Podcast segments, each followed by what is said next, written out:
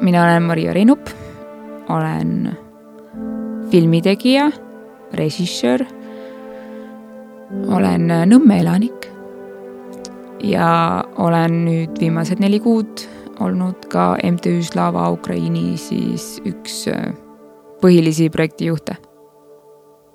ja inimene, kes pole enam sama inimene, kes ta oli kakskümmend kolm veebruar Maria, me kohtusime sinuga eile Eesti filmiinimeste peol ja sa olid värskelt just tulnud Ukrainast. vastab tõele, ma tulin ametlikult tegelikult äh, laupäeval, aga väsimusaste oli nii kõrge, et äh, ma vist toibun sellest nii täna, võib-olla homme, äkki pühapäevaks olen enam-vähem konditsioonis.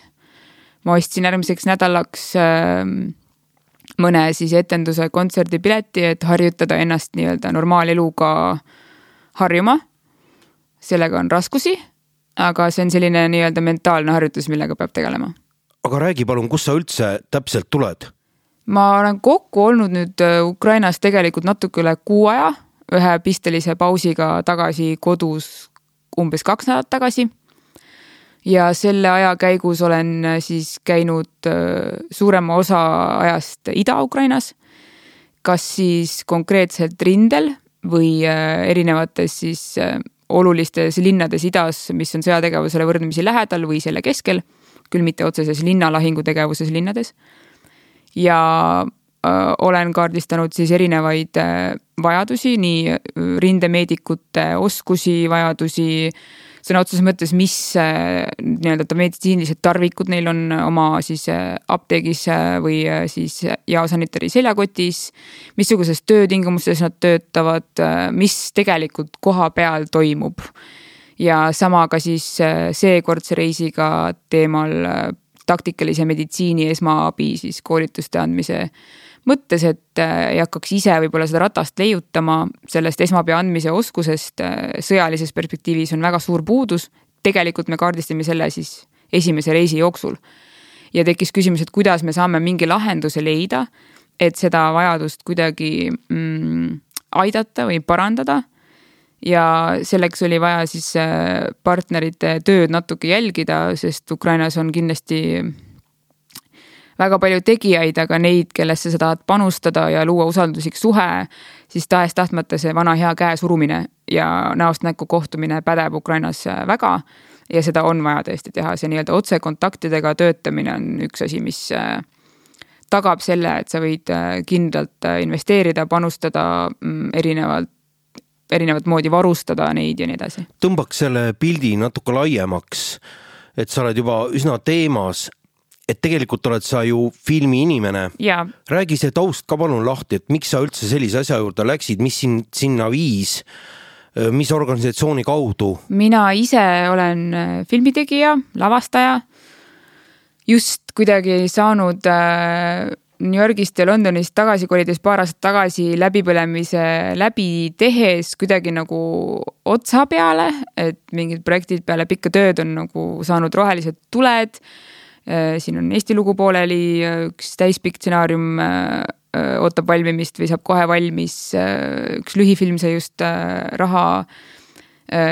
lavastan ühte segmenti ühel valgusfestivalil ja siis selle kõige keskel hakkas kakskümmend neli veebruar peale sõda ja ma kindlasti reageerisin nagu väga palju Eesti inimesi teatud šokilaadse seisundiga, ma ei suutnud neid uudiseid uskuda.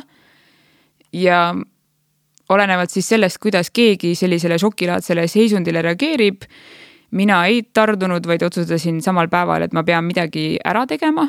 too aeg jäi kuidagi silma Punase Risti üleskutse siis Ukraina Punase Ristilt Eesti omale, et on humanitaarabi siis vaja erinevaid asju pampersitest beebitoidu ja muuni. too hetk oli ka Covid, see oli selle siis laine kõrgpunkt nüüd meil kevadel. Oli inimesi, kes olid kodudes, kes olid haiged, kes ei saanud liikuda ja ma tegin siukse nagu üleskutse et kellel on võimalik, siis ma saan autoga nende asjad peale võtta, kes tahavad kuidagi nagu panustada, aga ei ole võimelised, et ma korjan asjad kokku ja viin ära see oli suhteliselt edukas, kui nii võib öelda ja samal ajal Punaristi ei suutnud mulle mingist hetkest enam nagu vastata, et kuhu neid asju ikkagi viia ja nii edasi. võtsin ühendust üliõpilasseltsiga, kes too aeg toimetas siis oma kontaktide alusel asju Ukrainasse ja lõpuks mulle tundus kindlam viia see koorma täis, mis siis oli siis sõpradega kokku ja peretuttavatega kokku aetud neile, see läks päev hiljem teele. see kogu aktsioon sai nagu natuke mingi pisikese tähelepanu, mistõttu minuga võttis ühendust äh, Riina Sildos, kes ütles, et nemad koguvad mingeid asju kuhugi, sain mingi listi ja lihtsalt tegutsesin. Siis omale too aeg teadmata tegelikult äh, otsisin kokku asju esimesse MTÜ Slava Ukraini kiirabisse, millest selline tänane heategevusorganisatsioon üldse alguse sai. nii et mina justkui töötasin edasi nii-öelda omal käel vabatahtlikult mingeid asju kogudes, kuniks ma saabusin T1 lattu, kus oli täielik bardakk, meeletu seltskond inimesi, asju, täielik hullumaja. Panime asjad valmis, me laadisime selle kiirabi ära, see läks teele koos siis äh, Rotary klubi meeste abiga ja sellest päevast peale võib nii-öelda öelda, et ma jäin sinna, millest nüüd hiljem on siis saanud MTÜ Slava Ukraini. sinu jaoks algas see kõik sinu enda initsiatiivist? vastab tõele, et ma ise tundsin, et ma pean ära tegema, mis on minul kui inimesel võimalik. Ma arvan, et äh, ühel inimesel ongi võimalik väga palju ära teha aga kindlasti vabakutselise filmitegija päevakava võimaldab ka rohkem ära teha. sa läksid ennast unustavalt äh,, ei mõelnud üldse sellele, mis saab sinu teistest projektidest, tahtsid lihtsalt aidata? kindlasti, täiesti ikka võib tagantjärele öelda, et see täiesti ennastsalgav nagu kuu aega, mis siis läks, et jõuda mingisse punkti, et okei okay,, et meil on MTÜ Slava Ukraini ja me teeme sellist tööd, meie eriala praegu on tsiviilhaiglate ja sõjaväehaiglate hospitaleeride aitamine, kiirabide saatmine Ukrainasse. et see vahepealne aeg, ma kindlasti ei mõelnud mitte midagi, ma lihtsalt tegutsesin, need olid äh, tihti kuueteist, kaheksateist tunnised tööpäevad. Äh, mis olid lihtsalt täis seda, et on vaja teha praegu ja midagi, et see meeletu surve, selline sõja mm, tunnetamine nii nagu lähedal kuidagi või see kiirus, millega asju välja saata, et kohe-kohe on nagu vaja. kindlasti on osa sellest ja tagasivaates võibki öelda, et võib-olla klassikalised sellised humanitaarabi öö, andmise vead on see nagu üleliigne öö, muretsemine, üleliigne kiirustamine, üleliigne või seesama ennastsalgav panustamine, et sa põled lihtsalt juba kohe alguses läbi. teatud mõttes peaaegu, et nagu mõtlematult liiga palju panustades. noh, püüdes seda nüüd nii-öelda nagu ilusaks pildiks maalida. et ähm, alles hiljem, tükk maad hiljem tekkis küsimusi selles osas, et oot-oot-oot-oot, et mis mõttes on neli kuud äh, möödas ja praegu on juuni. täna on vist äh, selle sõja sajas päev. Vastab tõele, ma mõtestasin seda täna enda jaoks päris palju. seda mõtet, kuidas ma arvan, me kõik tegelikult sõja alguses lootsime naiivselt, et see sõda on lühike ähm,. kuidas ähm, ma arvan, sõja kolmandal nädalal või neljandal nädalal The Guardian äh, coin'is või siis pani kirja esimese artikli, mille teemaks oli termin nimega Ukrainian fatigue ehk väsimus Ukrainast ehk siis laiemalt väsimus Ukraina sõjast. ma mäletan seda üllatusmomenti siis, et äh, kas me juba räägime sellest ja mõnes mõttes ma saan aru, et me sellest juba räägime, aga täna siin sajandal päeval ma mõnes mõttes siiamaani ei usu, et see sajas päev on nagu käes. see on nii sihuke suur ümmargune number ehm,. aga enam ei ole küsimustki, et eh, see on pikk sõda. ja selles pikkuses või selles sõja eeldatavates pikkuses me võib-olla peame kõik aru saama, aga mina oma isikliku elu perspektiivist ja inimesena üldse mm, mõtestama, mida tähendab sprindi tegemine, mida maratoni tegemine et äh, kuidas selleks nagu valmis olla või kuidas maratoni joosta on täiesti teine tera, kui olla sprinter. millal see sõda lõpeb? siin on nii palju variante ja siinkohal mina olen kindlasti äh, vale inimene spekuleerima sellel teemal. Ma ju lihtsalt olen üks äh, tegelikult äh, inimene, kellel oli aega ja teatud mõttes soov ja võimekus äh, teha midagi ära. ma arvan, et minu asemel võiks täna siin istuda ükstapuha kes kellel oleks seesama nagu põhimõtteliselt ajaline võimalus lihtsalt olnud. ma ei tee midagi erilist kuulivesti selga panemine ja liikuda linnades, kus seda samal ajal pommitatakse. minu meelest on asi, mida, millega saaks väga paljud äh, hakkama. See on lihtsalt selline põhimõtteline tahtejõu küsimus, kus maani sa oled nõus välja minema inimesena. ja võib-olla siis see eristab, et kes siis läheb ja mitte. aga mm, kindlasti ei ole ma spetsialist rääkima sellel teemal ma arvan, et äh, minu nii-öelda väikse peaga variantidest tuleb esiteks arvesse võtta seda, et äh, seesama ala, siis Donbassi ja Luganski ala on ju olnud äh, kaardil ja põhimõtteliselt sõjatsoonis väga pikka aega, alates kahe tuhande neljateistkümnendast aastast, see näitab pikaaegset huvi nii Venemaa poolt kui ka ukrainlaste poolt selle ala nii-öelda siis kontrollimist. et kus see sõda lõpeb võib-olla siis äh, ma ei tea, aasta pärast, mida pakkusid meile mehed rindel või umbes poolteist aasta pärast, siis teatud äh, agressioon ei pruugi ikkagi lõppeda. nii et mõned ju arvestavad, et see, see sõda kahe tuhande neljateistkümnendast aastast saati mõnes mõttes ei olegi läbi saanud ja peavad seda juba nii pikaks ajaks. Ähm, selle nurga alt võib vaadata, et võib-olla see sõda on palju-palju pikem, kui me arvame. siin on, äh, võime spekuleerida võimuvahetusest, mingisugusest äh, äh, rahuajast, kus siis saame natuke mõtestada seda võib-olla läänena või Euroopana, kui fašistlik riik Venemaa tegelikult on, oletame, et ma ei tea ma ei tea, Putin sureb oma mingitesse maksakahjustesse vahepeal ära, mis oleks tore.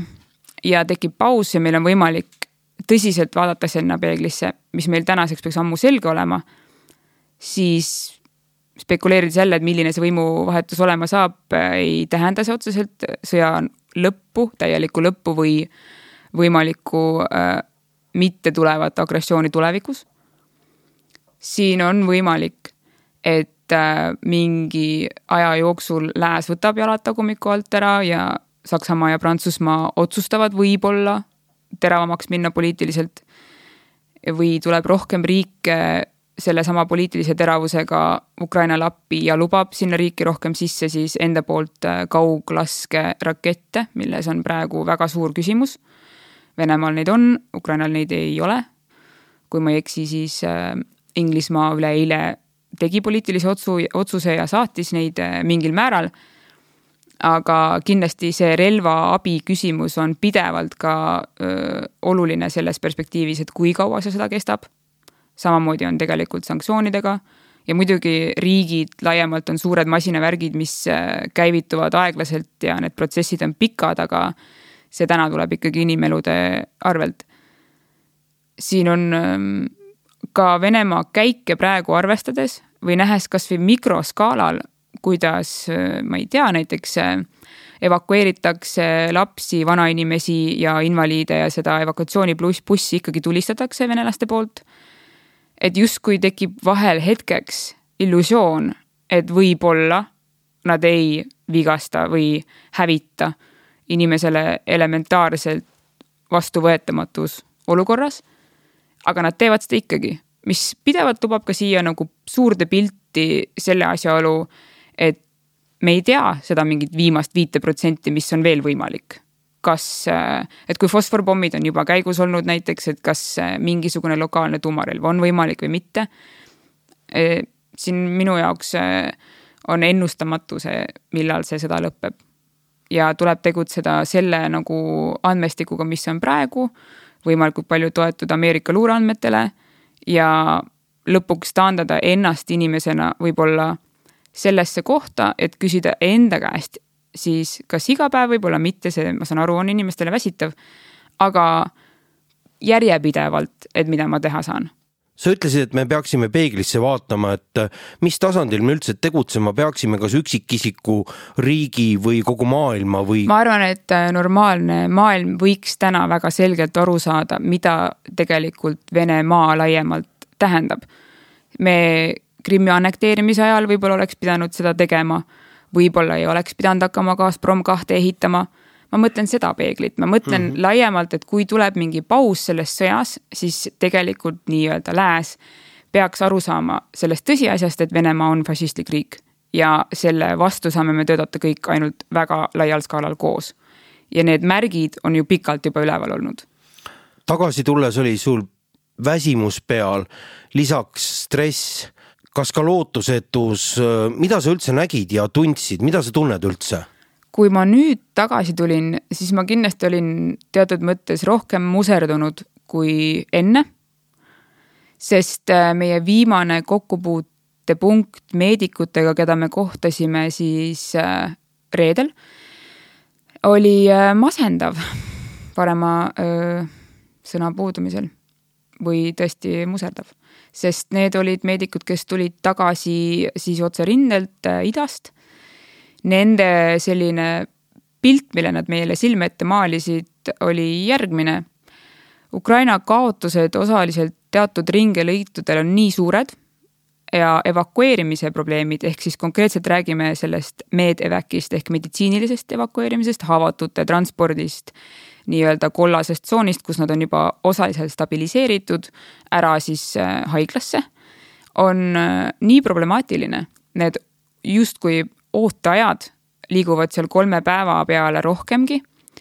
et äh, nad on sunnitud haavatuid, keda nad siis üldse suudavad aidata või kelle peale vahendeid raisata valima siis selle evakuatsiooni aja perspektiivist ehk kas ta üldse peab selle ooteaja vastu ähm, haavatuid on nii palju, et tavaliselt kui opioide ja teiste hulgas ka ketamiini kasutatakse siis nii-öelda hard pain management'i ehk äh, valu, suurte valude vaigistamiseks, osaliselt ka inimestele valust puhkuse andmiseks, ehk siis nii-öelda teatud ajaks ka öö, magama pannes ehm,. siis täna nemad kasutavad või vähemalt siis need meedikud ketamiini üledoosi tegemiseks omaenda sõduritele, kes ei pea vastu kelle siis äh, vigastused on nii suured ja ellujäämisvõimalus äh, väike, siis tänu sellele, et neid ei saa ära nagunii sellest äh, lahingutandri lähedal olevast alast, kus on võimalik võib-olla neid ainult stabiliseerida, aga rohkem mitte.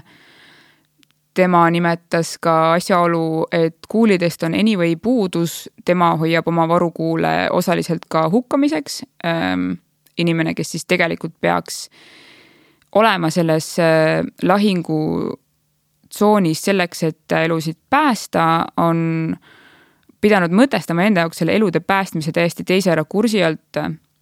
et rindel on kindlasti praegu minu arusaamise järgi lõike, kus on olukord äh, väga halb. ja see on seotud osaliselt ka selle Ukraina sisese segadusega armees laiemalt.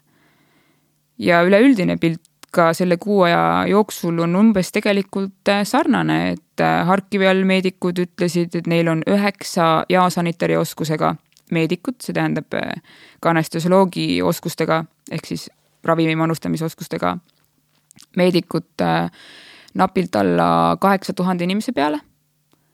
siis eriüksused, keda me kohtasime rindel, nende meedik kaotab päevas kolm meest ja tema eelmise päeva kaotuste siis hulgas oli nelikümmend kaks haavatut, keda ta pidi transportima ükshaaval transpordi puudumise tõttu.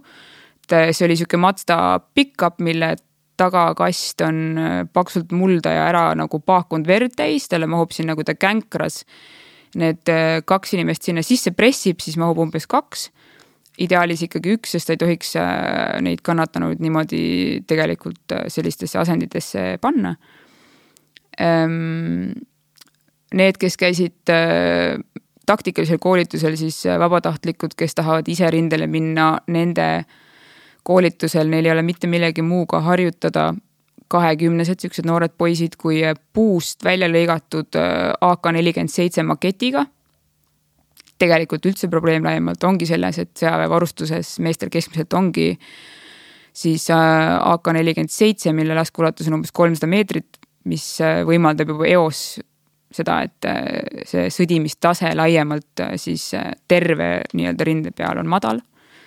ja arusaadavalt sundmobilisatsiooni käigus ka see meeste tase on väga selline küsitav et ma ei tea, meie jälle ju päris otseses sõjas ei ole käinud, me oleme ainult rinde läheduses käinud, aga vaadates ainult äh, näiteks meditsiinilise mm, väljaõppe töötoa raames siis nii-öelda legendi läbimängimist, mis iseenesest oli ka sürreaalne kogemus, sest sa näed, kuidas inimesed äh, harjutavad kuidas suure tule all ellu jääda, seal oli kokku toodud sõjavägi ja tsiviilisikud, peale Kramatorski pommitamist on vajalik ka nii-öelda strateegiliste kohtade personali koolitamine.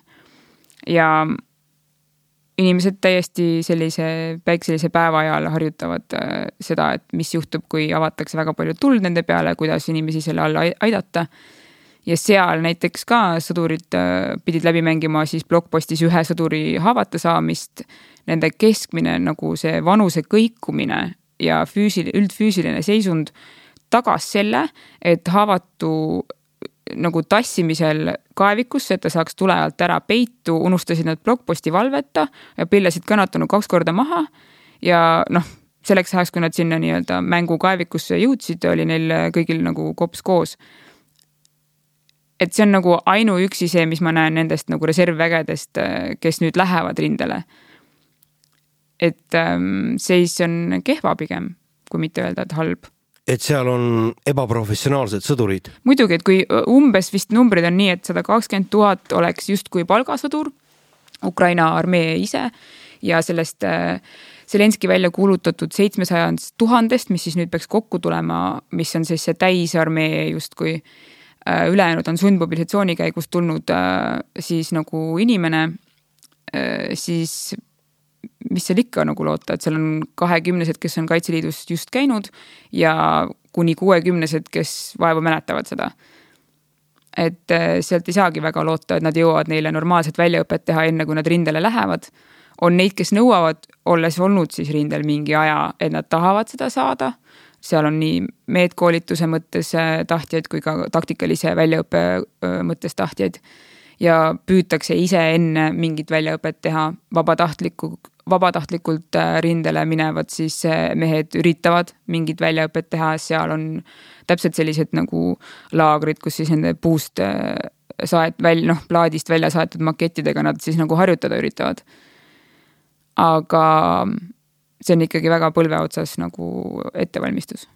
ja varustuse endaga on muidugi probleeme mitte ainult meie näeme seda, et igal mehel ei ole žgutti, mis on sinu esimene meditsiinilise varustuse perspektiivist nii-öelda asi, mis sul peab olema taskus.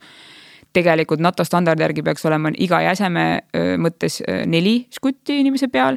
ideaalne on kaks, sul peab jätkuma üks sinu kaaslase päästmisega, üks endale et äh, ainuüksi meie maailma sees nii-öelda siis vajalikud äh, meettarvikud rindel on varustamisega meeletud probleemid ja seda, sellega tegeleme meie, aga samal ajal me ju näeme ka nende tellimuste sees, mis meile tulevad, kui palju on puudu kuulivestidest, kuulivesti kandjatest ähm,, igasugusest muust varustusest, deploviisi-, deploviisoritest kuni äh, droonide, kuni äh, sõja siis äh, ma ei tea, varustuseni nagu riided, mis on siis suvise vormi värvides ja nii edasi, et äh, ma olen näinud mingeid võrdlevaid fotosid Ukraina ja Vene sõduri apteekidest ja see on selgelt Vene sõdurite kahjuks olnud tegelikkuses see ei ole ju üldse nii. ja, et ma olen ka näinud ju Ukraina siis kaitseministeeriumi välja töötatud standardit äh, ukrainlase siis iga Ukraina sõduri IFAK-ile ehk individual first aid kit ehk siis selline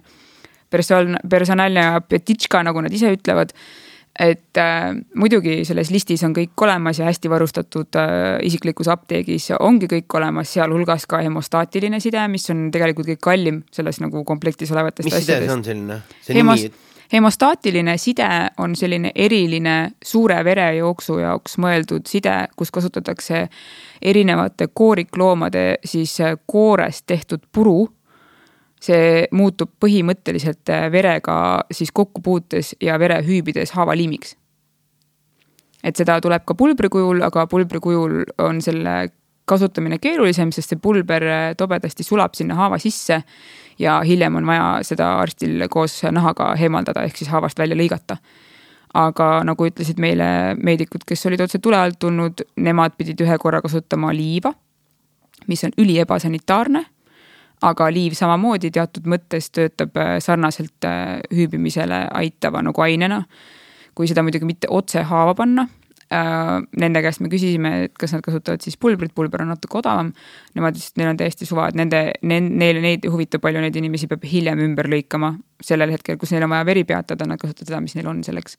ideaalsetes tingimustes siiski võiks kasutada seda hemostaatilist sidet, seda ei pea hiljem nii palju kogu see siis inimnahaga e, inimese küljest ära lõikama. kohati on mulje, et puudust tuntakse ainult kaugtõrjerelvadest ja ründerelvadest, aga tegelikkuses on seal paras kaos kas ma saan aru, et tegelikult tuntakse puudust väga paljudest asjadest? ja minu väikese arusaamise järgi selle arvelt, mis ma olen näinud, kuulnud, mida on teised vabatahtlikud, kes on käinud ka samamoodi rindel asju viimas, et neid üksikuid hunte, kelle autos on justkui pampersid, aga selle all on terve kogus relvasid, neid on tegelikult Ukrainas niimoodi kaubikute kaupa veel. ja see on nagu sõge mõte, aga tegelikult see ka teistpidi on nagu abiks. et needsamad kaubikud, mis seal edasi-tagasi neid asju kärutavad, täpselt nagu ka meie kaubikud, mis seal asju edasi-tagasi kärutavad, on tegelikult üliolulise tähtsusega. sest see on nagu see abi, mis kindlalt kohale jõuab, see on nii-öelda vähemalt meie teame, et need asjad on nagu kohal ja kuskilt tuleb lisa. et ähm, suur pilt muus osas, kuidas sõjaväe komandorid omavahel suhtlevad, kuidas üksustel on oma komandoridega juba mingeid probleeme, kuidas komandoridel on keskvõimuga probleeme just varustatuse osas. see on äh, pigem tavaline, et ähm, samas ju riik on sõjas, et, et kuidagi arvata, et see läheb äh, sujuvalt nii pika rinde puhul ka, et kui võtta praegu see ala mis äh, on siis äh, sõjas või juba territooriumid, mis on venelaste käes. et kui see ala panna Euroopa kaardil Itaalia peale, siis see on peaaegu Itaalia suurune tükk maad. Et me peamegi alati mõtlema, et kui me räägime rindest Ukrainas, siis me peame nagu suutma mõelda sellest kui väga erinevatest lõikudest, et mõnes lõigus võib olla väga halvasti seis ja mõnes võib ka olla selles mõttes hästi seis, et ma ei tea, näiteks Ukraina Javelini öö, tiimid on tublid. Need nii-öelda väikeüksused, neli kuni kuus meest, kes sõidavad kolme autoga, tavaliselt ongi pick-up'id, mille siis taha kasti on lahti võetuna laotud mingisugune siis lõhkekeha heitja. sõidetakse koos välja, ühes punktis hargnetakse laiali, siis tullakse uuesti kokku, neil on mingi umbes kümme minutit, et see lõhkekeha heitja kokku panna, tulistada ja siis neil on umbes kümme minutit ja sealt ära tulla, sest suure tõenäosusega tuleb midagi vastu. Nad hargnevad laiali, nad tulevad kokkulepitud punktis uuesti kokku ja sõidavad ära. et sellist väikeste kiilude nagu löömist, strateegilist väikest tööd e, eelluuret, leida strateegiline sihtmärk, olgu selleks siis äh, piisavalt palju personali, olgu selleks äh, tank või mõni äh, mm, keerulisem ala varustatud baas et selles väikeste kiilude löömises siiski on olnud väga palju ka Ukraina edu praegu. aga kui tõmmata jälle pilt laiali terve rindejoone peale, siis selle varustamine, selle korras hoidmine äh,, arusaamine, kes kus mida vajab. Eriti selles pildis, et nüüd, kui mehed on nagu aru saanud, et neid rotatsiooni käigus saadetakse rindele ka kohtadest, kus nad on väga mugavalt äh, varem olnud. näiteks üksused Kiievi all, kellele hakkas juba tunduma, et noh, Kiievalt on väed nagu oblastist taandunud ja on nii-öelda nagu pigem rahulikumat elu nagu näinud. Äh, saadeti viis päeva hiljem Harkivisse, nendest vist äh, kaksteist meest sai kohe esimesel päeval surma. et selles nagu pildis on aina enam ka seda, et üksused ise üritavad ennast varustada siis. mis ajabki ikkagi siis kesksüsteemi jälle sassi. Et sellel nende komandoril või sõjalisel kuverneril oma oblastis ei ole ka head pilti, et kellel mida on. Pluss on selge, et mingid üksused on mingi hetk rohkem tule all, neid kaitseb see nii-öelda teine liin, siis nemad on järgmise eelistusega nii-öelda siis äh, varustuse poole pealt äh, reas. aga siis on veel terve hunnik üksusi, kes teavad, et nemad on järgmise nädala jooksul kas teine liin või esimene liin, aga neil ei ole vastust tulnud, et kas nad saavad mingit osa varustust ja nii edasi. et kui jagada see öö, tuhande kilomeetri peale ja öö, sadade tuhandete meeste peale, et siis no on ju arusaadav, et seal võib tekkida probleeme. kes seda asja üldse koordineerib äh, siit ja sealtpoolt äh,, kust me teame üldse, mida vaja on? mida vaja on üldse teha? meie võib-olla eelis MTÜ Slava Ukrainiga oligi algusest peale see, et tegevjuht Johanna on enne Ukrainas elanud ja tema siis abikaasa on ukrainlane ja neil oli juba algusest peale tegelikult võrgustik kontakte ja inimesi, kes oli juba kaks tuhat neliteist, viisteist sarnase probleemi lahendamisega tegelenud.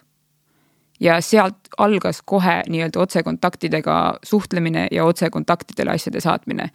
ja mõnes mõttes ka tekkis vahele mingi verifitseerimisprotsess, et oli piisavalt kohalikke, kellele sai ka helistada, üle küsida ja uurida. ja see tõestas ennast nagu ainukese töömeetodina mõnes mõttes. muidugi Ukrainas on ka väga palju väga tublisid MTÜ-sid koha peal, kes teevad sarnast asja ja väga hästi. aga siin jälle tuleb pidevalt meelde tuletada, kui suur Ukraina on ja kui suur tegelikult on see ala, kus praegu sõda käib. kui äh, palju on ikka veel nii-öelda täiesti random pommitamisi kohtades, kus on juba tundunud, et on turvaline ehk siis äh, ka tsiviilinimeste või isikute äh, siis äh, hukkumist või infrastruktuuri hävitamist. et ähm, kuidas siin selle mäsu sees kellegi poole pöörduda, tulebki vaadata, et tõenäosus, kui nad töötavad otsekontaktide alusel, ehk siis neil on otsesuhtlus, siis mingi rügemendiga, kelle komandör on omakorda selle nii-öelda äh, lubanud. see tähendab, et see abipalve tuleb äh, koos ametliku nii-öelda request'iga. sul on pataljoni number, sul on komandöri või tema parema käe kontakt, sul on võimalik nendega otse rääkida, sul on võimalik aru saada, mis suuruses see üksus on, missugused need vajadused on. Öelda, et näiteks mingeid asju nagu ravimid me ei saa neile pakkuda ja nii edasi, et see suhtlus peab minema täitsa nagu detailseks. ja kui sellel organisatsioonil äh, on selline suhtlus, siis mina julgeks neid toetada sest see tundub mulle praegu ainuke võimalus. et on selge see, et need asjad on tõesti see, mida on vaja ja et nad jõuavad tõesti sinna, kus neid on vaja. ja need kaks asja peavad olema nagu kaetud kust tulevad finantsid, rahastus, üks asi on see, et on mingid vajadused, aga neid ei ole võimalik ju koheselt täita. no Slava Ukraini on mõnes mõttes olemas ja toimiv ainult tänu Eesti inimesele. et siin laiemalt üldse, ma arvan, et Eesti on teinud äh, meeletu töö ära, ukrainlased teavad koha peal väga hästi uudiseid selle osas, mis Eesti on teinud. Nad äh, on öelnud äh, meile väga selgelt, et nad on teadlikud sellest, et näiteks Eesti per capita on kõige suurem abiandja. Nad teavad hästi seda tunnet, mis mõnes mõttes on ka Eesti, Läti, Leedu, Poola näidanud välja või kommunikeerinud, et Venemaa on agressor. ja kui Venemaa teeb midagi, siis tuleb tegutseda. et meile on ju see tegelikult mõnes mõttes teatud alateadliku hirmuna isegi põlvkonnale, kes võib-olla ei mäleta otseselt äh, Nõukogude aega või ma ei tea, sõda, ikkagi sisse kodeeritud. et ähm, väga selgelt on öeldud, et kuidagi tore on, et Eestile, aga ka räägime sinu Läti, Leedu, Poolast, ei pea kaks korda seletama et meil on nüüd halvasti või et Venemaa ründas või et äh, siin tehakse asju, millest äh, me ei taha rääkida. ja selle tõttu tegelikult on Eesti annetaja meie selja taga. et äh, kõik see finantsiline vahend tänaseks üle kahe miljoni euro, mida on siis ametlikult seitsmendal märtsil loodud MTÜ Ukrainasse panustanud, on tulnud tänu siis äh, Rotary klubi tutvustele, erinevatele panustajatele, Ukraina heaks tehtud kontserdile, Eesti annetajale laiemalt. et selles mõttes ma ütleks, et meie oleme üks osa lihtsalt sellest abist, mida Eesti on andnud Ukrainale selle sõja käigus. kui ma ise tahaksin aidata Ukrainat, kuhu ma peaksin ülekande tegema? Kelle poole pöörduma? ma arvan, et äh, oluline on esiteks see tahe alustuseks. millised on need organisatsioonid või kohad, et ma kindla peale teaksin, et minu abi jõuab kohale kindlasti. mis sa soovitad? no üks asi on see, et kui mõelda jälle laiemalt ja mitte jääda kinni sellesse ühte väikesesse detaili, et oleks lihtne, et oleks üks konto, keegi ütles mulle ette, see on hea ja läheks eluga edasi, on ju ma arvan, et elus võiks laiemaltki mõelda heategevuse puhul seda, et mis ma, mis ma võtan ette selleks, et aru saada, kas see organisatsioon sobib mulle ja kas nad on piisavalt läbipaistvad selleks, et ma tahan sinna annetada, ma arvan, et nii võiks ju laiemalt mõelda, neid abivajajaid on olnud enne, neid tuleb veel. et teha oma kodutöö ka selles mõttes ära, et meil ju kõigil on mingid põhiväärtused, mille järgi me annetusega tegelikult nii-öelda seesmise keele järgi teeme. et mis on see, mis kõnetab. Ukraina raames täna on nii palju erinevaid variante ja öö, toeta punkt me võttis ette, kogus kokku tegelikult ju siis põhilised täna Eestis nii-öelda hästi töös olevad projektid. kas see on militaarabi autode näol? Kas see on kaitsevõrkude punujate siis kogukond, kes on põhimõtteliselt Eestist talgud alustanud, kellel on ka vaja finantsilist abi, kas see on rindemeditsiini saatmine koos meiega rindele, kas see on toidukorvide kokkupanemine põgenikele, kellel siin ei ole finantsilisi võimalusi veel, olles mingisuguses bürokraatlikus hammasrattas kinni, kui neil ei ole tööd, aga on lapsed. Äh, neid variante tegelikult äh, on ja see on võib-olla iga inimese enda nagu jaoks, sa pead leidma selle lisa kakskümmend minutit oma päevast. et natuke öö, lugeda, guugeldada ja kui väga tahad helistada, küsida, kas ma võin sinna vabatahtlikuks minna ühe päeva olemas olla koha peal kui ma mõtlen vabatahtlikele, siis mul on tunne, et nad töötavad kõik tasuta, aga tegelikult on selle juures ka rida praktilisi küsimusi, kuidas toime tulla. sinul oli see aeg muidugi võtta, sa nägid, et sul on see võimalus, aga minul tekib rida küsimusi, et kuidas see kõik käib. muidugi ja tänaseks ma ei ole enam vabatahtlik. selles mõttes siin ei saa seda nagu nii öelda, et ma olen olnud neli kuud vabatahtlik, see ei vasta tõele. alguses ma olin vabatahtlik ja ülejäänud tiim oli vabatahtlik, aga sellest hetkest, kus äh, selgus, et me, see vastutus selle töö juures läks nii kõrgeks, a la äh, mitmekümnetuhandelised meditsiinihanked, mingeid väga spetsiifilisi tarvikuid, siis see enam mingist hetkest lihtsalt ei ole loogiline paratamatu osa mingisugusest humanitaarabiorganisatsioonist, kui ta kasvab äh, suureks ja seda kiiresti on arusaamine, et heategevus hea tava järgi on mingi protsent, kui ma ei eksi, kümme määratud, mille eest võib püsikulusid omale tekitada. kuna meie püsikulud on ülimadalad, sest kõik muu on tulnud annetuskorras ja see vastutus nende projektide nagu läbiviimise juures läks nii suureks, siis siin ei olnud mingist hetkest enam küsimust, et kas inimestel peaksid olema kuueteisttunniste päevade juures äh, ja selliste tellimuste tegemise juures palgad või mitte me istusime isegi maha ja tegime selle nii-öelda eetilise komisjoni, et kust maalt kellegi piirid lähevad. ja ausalt öeldes suure hurraaga alguses tundus kõigile, et me võiksime seda vabatahtlikult jätkata. lihtsalt mingil hetkel organisatsiooni enda perspektiivist pead siduma selle vastutuse mingisuguse nagu kokkuleppega.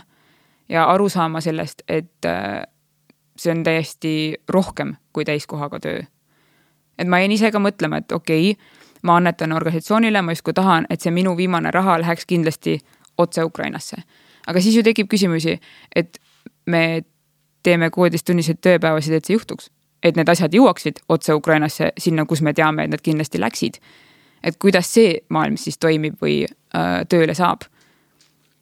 et jälle natuke selline ongi äh, perspektiiv humanitaarabist, mis äh, sa mingil hetkel saad aru, et organisatsioonid toimivad ikkagi teatud mõttes teatud organisatsiooni reeglite järgi ja minu arust on isegi hea see, et töö määratletakse tööna. et see on, sellele tekib teatud professionaalsus juurde, millest saab siis edasi aina nagu professionaalsemaks minna. sa oled näinud siit ja sealtpoolt seda üldpilti aga see, et sa käisid seal kohapeal, võis sinu jaoks olukorda väga muuta? väga mm,. mitut pilti meil oli selge kuvand selleks hetkeks, kui äh, meie tegevjuht esimest korda läks äh, Ukrainasse. me olime see MTÜ, kes saadab täisvarustusega kiirabisid Ukrainasse. see oli selline nagu peaaegu et selge kuvand, see oli kõigile vastuvõetav.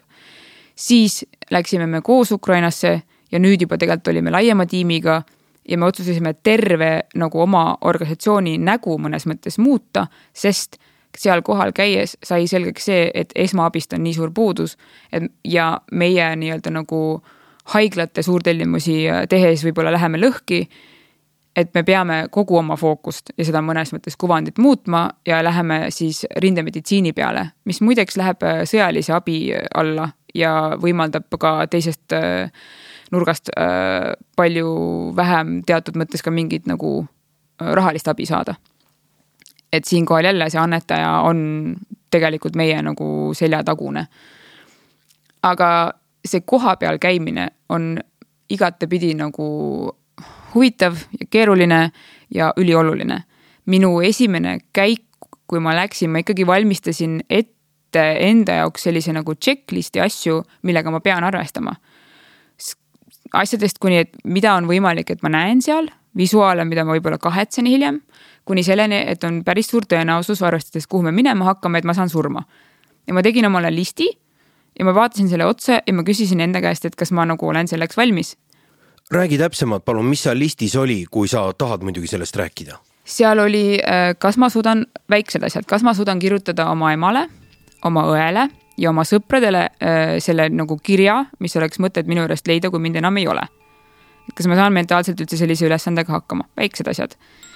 Kas äh, minu paberimajandus, password'id äh,, ligipääs korterile on tagatud nii, et kui mind enam ei ole äh,, kas ma üldse olen oma elu elanud nii korralikult et kui ma peaksin nagu homme surma saama, et siis kas siit on võimalik üldse valutult selles mõttes üle minna, et ma ei ole jätnud kellelegi mingit koormat, võlgasid, äh, segadust, äh, asju kuhugi ja nii edasi.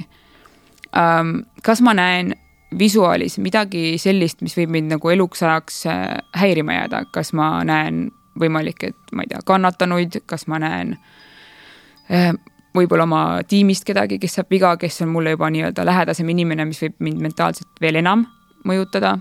kas ma ise olen valmis selleks, et mina saan viga? kas äh, ma saan, kas ma olen valmis selleks, et ma ei saa surma, aga saan viga, näiteks ma ei tea, ma ei tea, mind vägistatakse. kas ma nagu saan aru, mida see perspektiiv endast lõpuni ülitõsisel moel tähendab? nii-öelda üle ette valmistusin tahtsin läbi käia enda jaoks selle raske mõtteharjutuse, et see kõik on tegelik võimalik, tegelikult võimalik ja kas ma nagu registreerin kõik need punktid tegelikult ära. ja, ja noh. ja ikkagi mingis mõttes olid võim-, valmis surema. Jah, mõnes mõttes võib küll öelda, ma käisin need punktid läbi ja sain aru, et äh, ma olen valmis surema. ma arvan, et mul on seda mõnes mõttes keeruline öelda, sest äh, sa saad ainuüksi selle lause väljaütlemisega nii-öelda kõva häälega aru, et kui palju isegi selle lause väljaütlemine võib juba teha liiga näiteks sinu lähedastele.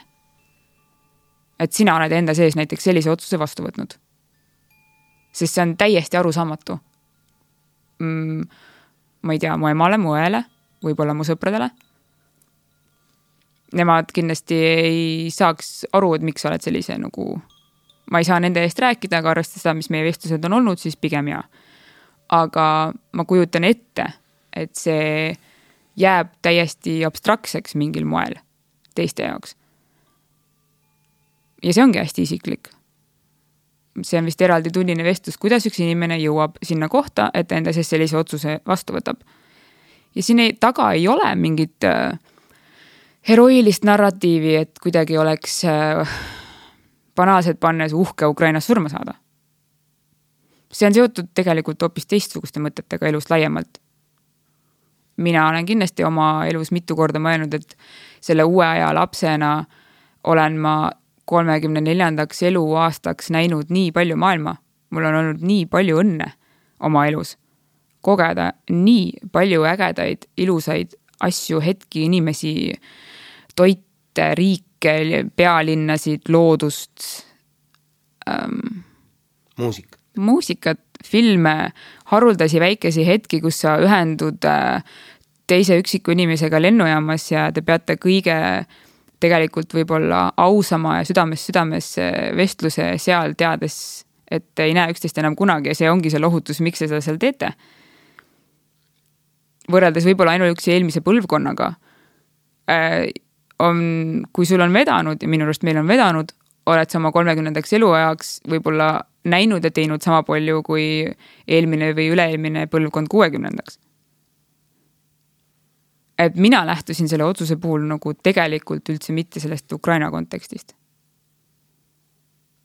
või võtsin selle otsuse nagu vastu enda sees kohe sõja alguspäevil, et see ei ole ukrainlaste sõda, vaid see on meie sõda ka ma olen ise täpselt samamoodi mõelnud, et me samuti sõdime, me oleme lihtsalt tagalas. me oleme lihtsalt tagalas ja olgem ausad, siin on teine väga kurb reaalsus ja see on see, et äh, meil on palju odavam seda sõda pidada Ukraina pinnal ukrainlaste elude hinnaga kui siin sa rääkisid õdedest ja nendest äh, noortest, keda ette valmistatakse puust püssidega.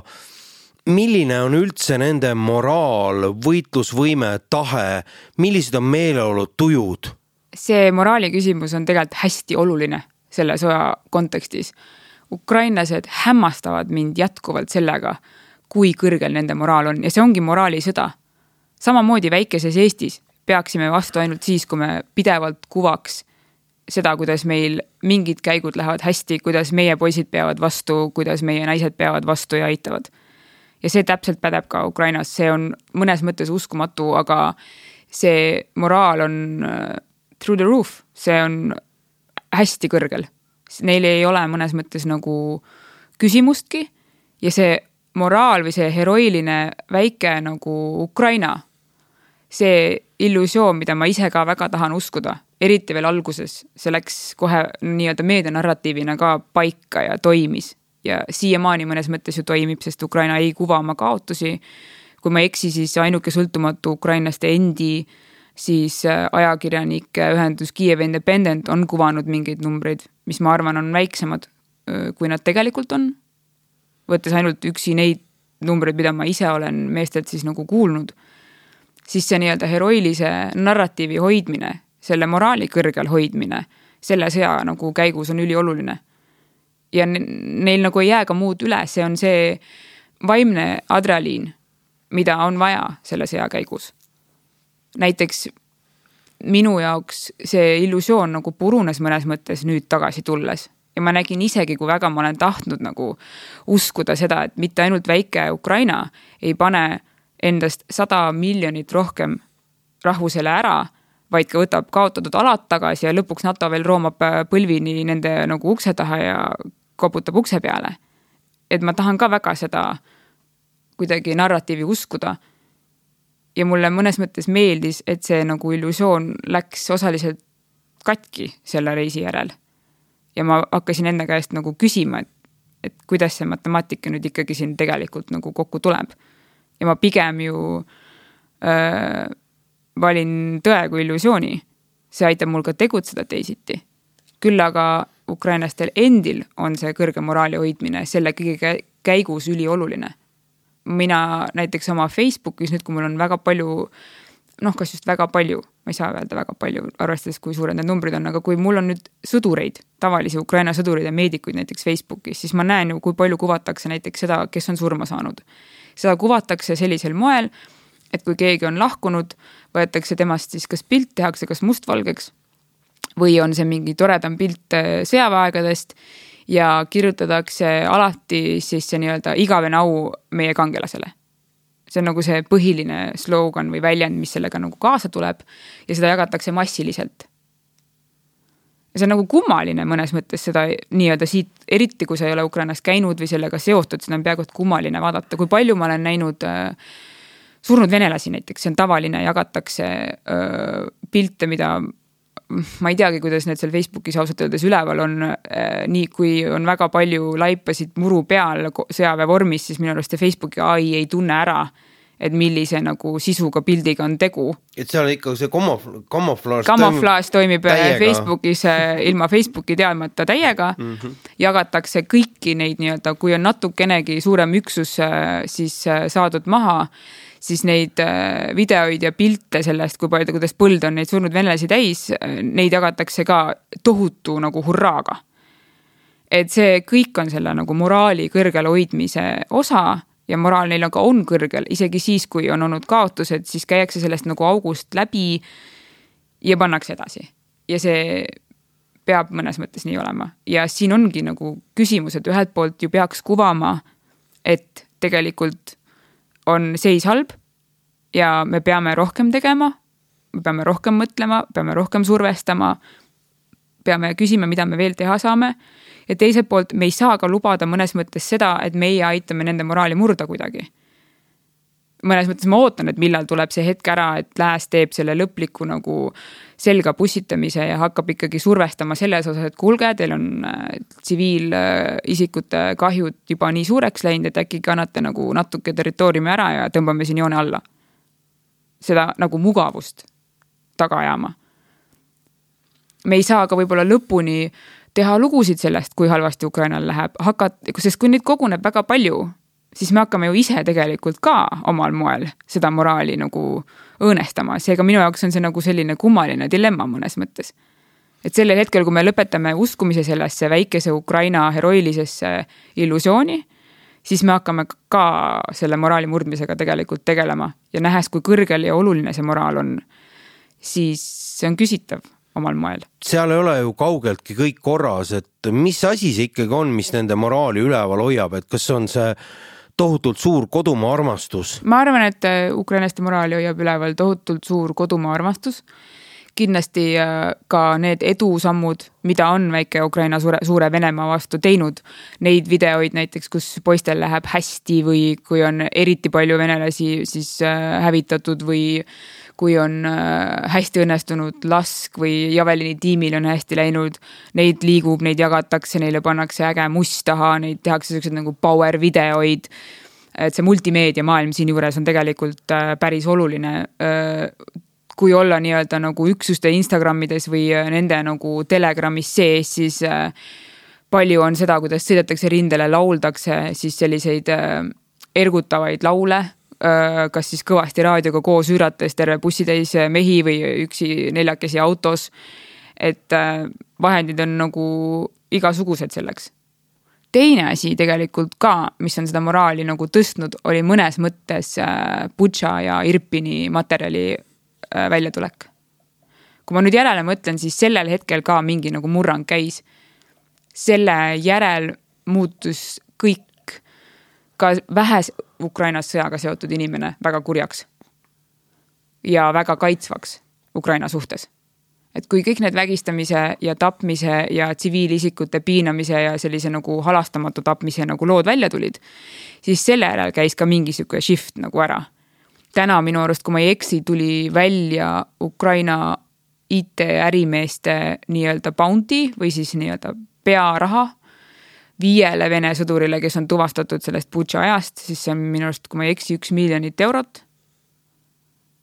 et äh, see on läinud nagu sellele tasemele nagu kuidagi välja, et see, Butša asi lõikas nagu tõsise haava minu arust selle sõja käigus.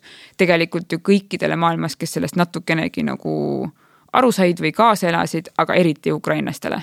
ja peale seda on äh, selline halastamatu toon mõnes mõttes nagu tulnud selle sõjakäigu juures juurde ja see nii-öelda nagu naše Ukraina, meie selle nagu emakese kodumaa kaitsmise juurde ka nagu uus aspekt.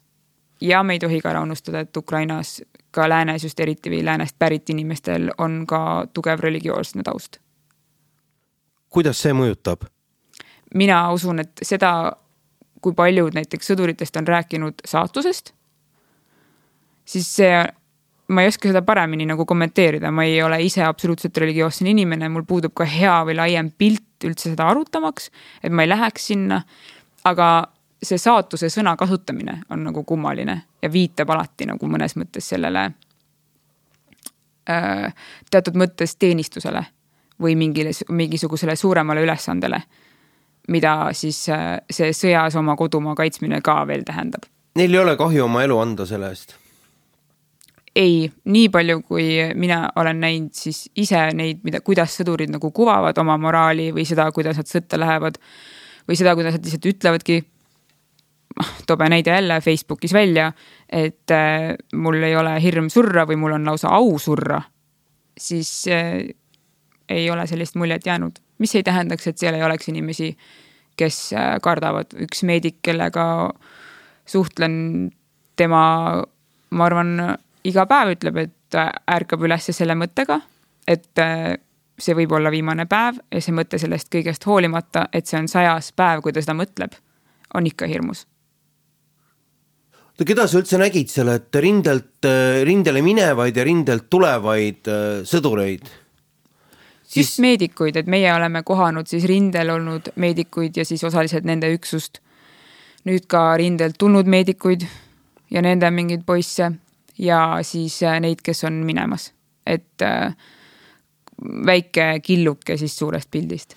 kas meedikud, äh, mis vormis nad üldse liiguvad? ma mõtlen, et kui nad, kas meedikud toovad lahingupaigast ära sõdureid? tegelikult on nii, et kui sa saad äh, tule all siis viga, siis esmase abi pead sa ise suutma endale või oma paarimehele anda. Sealt ka see suur vajadus, et sinu selles individual first aid kit'is, sinu medpaunas oleks üldse selleks vajalik, sest muidu sul on kehas viis liitrit verd, kui sul on massiivne arteriaalne verejooks, sul on kaks kuni viis minutit.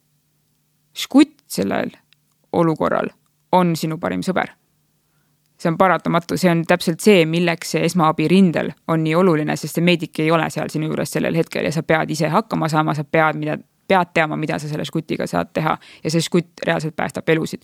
seda ütlevad ka meie poisid meile, vahel nad loevad ette, mida meie žgutid on teinud, sa tead, et see on see esmaabivahend, mida on vaja kui sa oled saanud oma massiivse mere, verejooksu seisma, kui sa tead, et su hingamisteedel ei ole probleeme, su veri käib ringi, sul ei ole alajahtumise nagu probleemi. mis tihti muideks on probleem, sellepärast et kui on palju vigastusi ja plaadid on vaja pealt ära võtta või kui on näiteks ka plahvatuses ehk siis nahaga mm, kokku sulanud riideesemed, siis on need vaja ära lõigata seljast kõik üldse, tuvastada, mis haavad on, on tihti vaja sõdur peaaegu et paljaks võtta, siis selle järel, kui sa oled näiteks palju verd kaotanud, alajahtumine on väga nagu ohtlik. uskumatult ohtlik isegi sest äh, su süda ei jaksa enam verd sellisel kujul ringi pumbata ja nii edasi. ühesõnaga, sa saad haavata tule all, sa pead suutma anda ise esmaabi endale või siis oma paarimehele, kuniks jaosanitarmeedik üldse sinuni jõuab. siis on vaja inimene tule alt ära saada või siis üksusega tule alt ära saada kohta, kus meedik saab sind aidata, stabiliseerida. see on kas siis olenevalt sellest, kui kitsas on rindelõik, kas me räägime praegu ühest väikesest teelõigust, kus kahel pool sõditakse, kas me räägime juba suuremast põllualast, kus on juba kaevikusõda, kas me räägime linnasõjast, kus on suhteliselt lähedal võimalik kuhugi ära lohistada keegi, noh, see oleneb sellest. tavaliselt see tagala osa, kus läheb juba stabiliseerimiseks, on seal äh, kaks kuni viis kilomeetrit sellest otsesest lahingutegevusest. selle stabiliseerimiseks siis nii-öelda kollases faasis on vaja peale saada siis valuvaigistid, kui on kanged valuvaigistid, ka antibiootikumid, sellepärast et see põletikuoht on väga kiire ja võimalik, suurte haavade puhul eriti äh,. siis nii-öelda nagu stabiliseerimine selles mõttes, et nüüd on nagu meedika käinud selle esmaabi üle, sinna pannud sellest nagu lisaabi peale ja nüüd on võimalik sind siis nii-öelda sellesse rohelisse faasi ehk siis haiglasse või sõjaväehaiglasse või välihaiglasse ära nagu evakueerida. ja see on nüüd see koht, kus on palju probleeme Harkivi all on mitu nagu haiglat, Harkivi oblastis on suurem tõenäosus, et sa saad kuhugi, Mikolajevis samamoodi. Šaporižas on nagu küsitav praegu üldse, mis seal toimub ja nüüd, mida rohkem me itta lähme, siis sealt edasi on aina keerulisem, need vahemaad lähevad pikaks ja teeolud on lihtsalt täiesti kohutavad. teeolud juba algupäraselt Ukrainas või nad on pommitatud niisegi? mõlemit aga ida probleem on ka see, et algupäraselt, et meie ühe korra rindelt ära tulles meid suunati ümber, sest sõjategevus oli valgunud mingisugusele maanteele, pidime mingi meeletu ringi tegema. me tegime seal ühe nii-öelda naljapildi, mingi hetk ikkagi julgesime auto kinni pidada ja meie siis Ukraina partner Fixer mm, siis autojuht ronis siis sinna auku ja sa said mingi hetk aru, et see on ikkagi vööni et noh, seal on nagu mingites kohtades tõesti väga suured probleemid, et kui Kesk-Ukrainas on nii palju transiiti, Ukraina on nii suur, nad peavad oma kaupa liigutama, on teed väga heas korras, välja arvatud üksikud alad, kus on pommitamine seda nagu kahjustanud, siis idas on juba lihtsalt äh, nii-öelda vanast ajast teeolud kohutavad. pluss ukrainlased ise on mineerinud väga paljusid nagu alasid. et kui Kiievi lähedal on siis äh, venelaste poolt mineeritud alasid mina ise olen sõitnud ühest osast oblastist läbi, kus äh, äh, sõitsime komandandi tunni välisel ajal niimoodi, et sõjavägi juhatas meid üle siis äh, ühe osa teesid, üks sild oli õhku lastud ja pidime sõitma üle mingisuguse põllu, kus siis ei tohtinud nagu poolemeetrise vahega kummagile poole nagu kalduda ja enne seda siis oli terve lõik metsateed ja peale seda oli terve lõik metsateed, kus ei tohtinud metsapeatust teha, autot kinni pidada ega välja astuda ega seda ühte lisameetrit võtta, sest noh, nii palju on äh, seda äh, demineerimata ala, et äh, seda ei jõua nad veel aastaid tegelikult, tänaseks on ju, mis nad, mis see statistika on, vist kolmsada tuhat ruutmeetrit ala, mis on täis siis lõhkemata lõhkekehasid milline oli üldse teie teekond, mida sa seal nägid, kui kaugele te üldse jõudsite rindejoonest näiteks? ma alustaks võib-olla selles mõttes algusest, et kui ma olin oma mõtted kokku koondanud selles osas, et võtnud vastu otsuse, et ma lähen Ukrainasse, siis ma tegin seda sellel alusel, et ma teadsin, et mul on sinna vaja minna töö pärast. ma tahtsin välistada igasuguse sõjaturismi. ma otsustasin, et ma lähen, kui mul on kindel nagu sihtmärk, et ma saan aidata, ma saan olla tegevjuhile abiks ja mul on seal mingi ülesanne. kui me maandusime Poolas siis ma mäletan, mul oli esimest korda elus kaasas kuulivest, see on väga raske, minu enda isiklik, pluss siis äh, kiiver, kevlar. ja Poola lennujaam Brežnežovis on ümbritsetud raketiheitjatest, kõik on selles laskevalmiduse olekus, seal on väga palju sõjalist personali. See oli väga kummaline vaatepilt, ma ei ole elu sees lennujaamas maandudes midagi sellist näinud, et see juba siis oli selline, see ärevustase oli hästi nagu kõrge igal juhul. ja minu peas oli pilt mis ma arvan, on paljudel täna, et justkui Ukraina oleks selline mingites osades umbes nagu Dresdeni siilis vaip pommitatud äh,, maha laastatud umbes riik. et kui ma Lvivi jõudsin, siis ma olin nagu ikka pehmelt öeldes äh, üllatunud sellest, et äh, tavaline elu käis, poed olid asju täis. Restoranid töötasid, Ukrainas on väga hea toit. et ma nagu olin sellest segaduses lausa, mul oli täiesti teistsugune kuvand oma silme ees. siis oli esimest korda õhuhäire mis oli väga sürreaalne kogemus, sest see on hästi spetsiifiline, see on üle linna, selline nagu meeletu undamine. ja ma nagu käed hakkasid värisema, mõtlesin, okei okay,, kas ma lähen pommivarjendisse või mitte. vana hea reegel, vaata, mis kohalikud teevad, kohalikud sõid jäätist õues ja ei teinud midagi, mis on tegelikult halb äh, katastroofi nii-öelda siis äh, reeglistiku järgu, järgi see õhuhäiretega harjuta-, harju-, valesti harjumine tegelikult ei ole hea, läheb sinna Äh, poiss ütleb, et hunt on lambakarjas legendi hulka. pidevate pommitamiste ja õhuhäirete tagajärjel inimesed muutuvad juba natukene passiivsemaks, harjuvad kõigega, iga asja peale ei minda varjendisse. inimene harjub kõigega ka selle sõjaga. jah, et mina igal juhul Lääne-Ukrainas alguses jäin nagu ise lolliks sellega, et ma uurisin igal pool, kus nende pommivarjend on. et kui me oleme siin restoranis või kohtumisel, et kuhu nagu jooksma peaks hakkama. siis me hakkasime sõitma itta ja päev hiljem tuli esimene rakett vist Lvivis kohe läbi. nii et mul tekkis kummaline tunne, et me justkui pääsesime selle eest. Äh, ma olin väga väsinud. Meie siis Ukraina autojuht äh, naeris ja ütles, et äh, Maria, et sa võid rahulikult natuke aega magada, et järgmised kaheksa tundi sa ühtegi tanki siin nagu tee peal ei näe. mis vastas tõele, Kesk-Ukrainas oli rahulik. nädal aega hiljem, kui ma ise sõitsin konvois sedasama teed, oli täpselt samamoodi rahulik, rapsipõllud, inimesed külvavad kuni lambist tuli üks rakett keset põldu. mingi täiesti suvalises kohas. sa neid... nägid ise seda pealt? ei, see just tulnud, nii et mul selles mõttes vedas, aga sa tunned kaugelt ära pommi ja raketi suitsu, musta suitsu järgi. see on täiesti nagu nähtus omaette mõnes mõttes täiesti suvalises väikses teelõigus keset Ukrainat. nii et see näitab ikkagi seda, et venelased pommitavad kohati väga suvaliselt või ja, nende see, või see nende moon või raketid ongi täpselt niimoodi, et täpselt. nagu must, must pommitamine. kui ta kukub kuskile keset rapsipõldu, siis sellest ei ole mingit äh, kasu neile ka mitte ju. absoluutselt ja tegelikult siin tuleb aus olla ka selles osas, et Ukraina õhutõrje on teinud väga hea töö.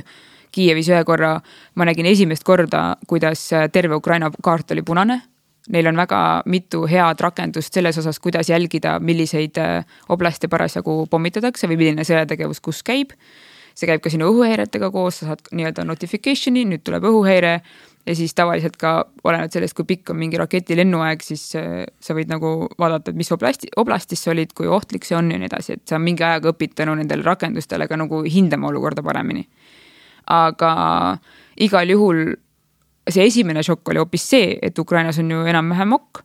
aga kui itta minna, kui sa ikkagi oled Harkivis linnas sees, kus linna samal ajal pommitatakse või Mykolajevis, kus linna samal ajal pommitatakse, siis see on ikka täiesti nagu teine tera. see on väga kummaline ja veider äh, tunne, kuidas sa õpid väga kiiresti pommi kukkumise kauguse heli pealt hindama seda, miks kohalikud veel ei jookse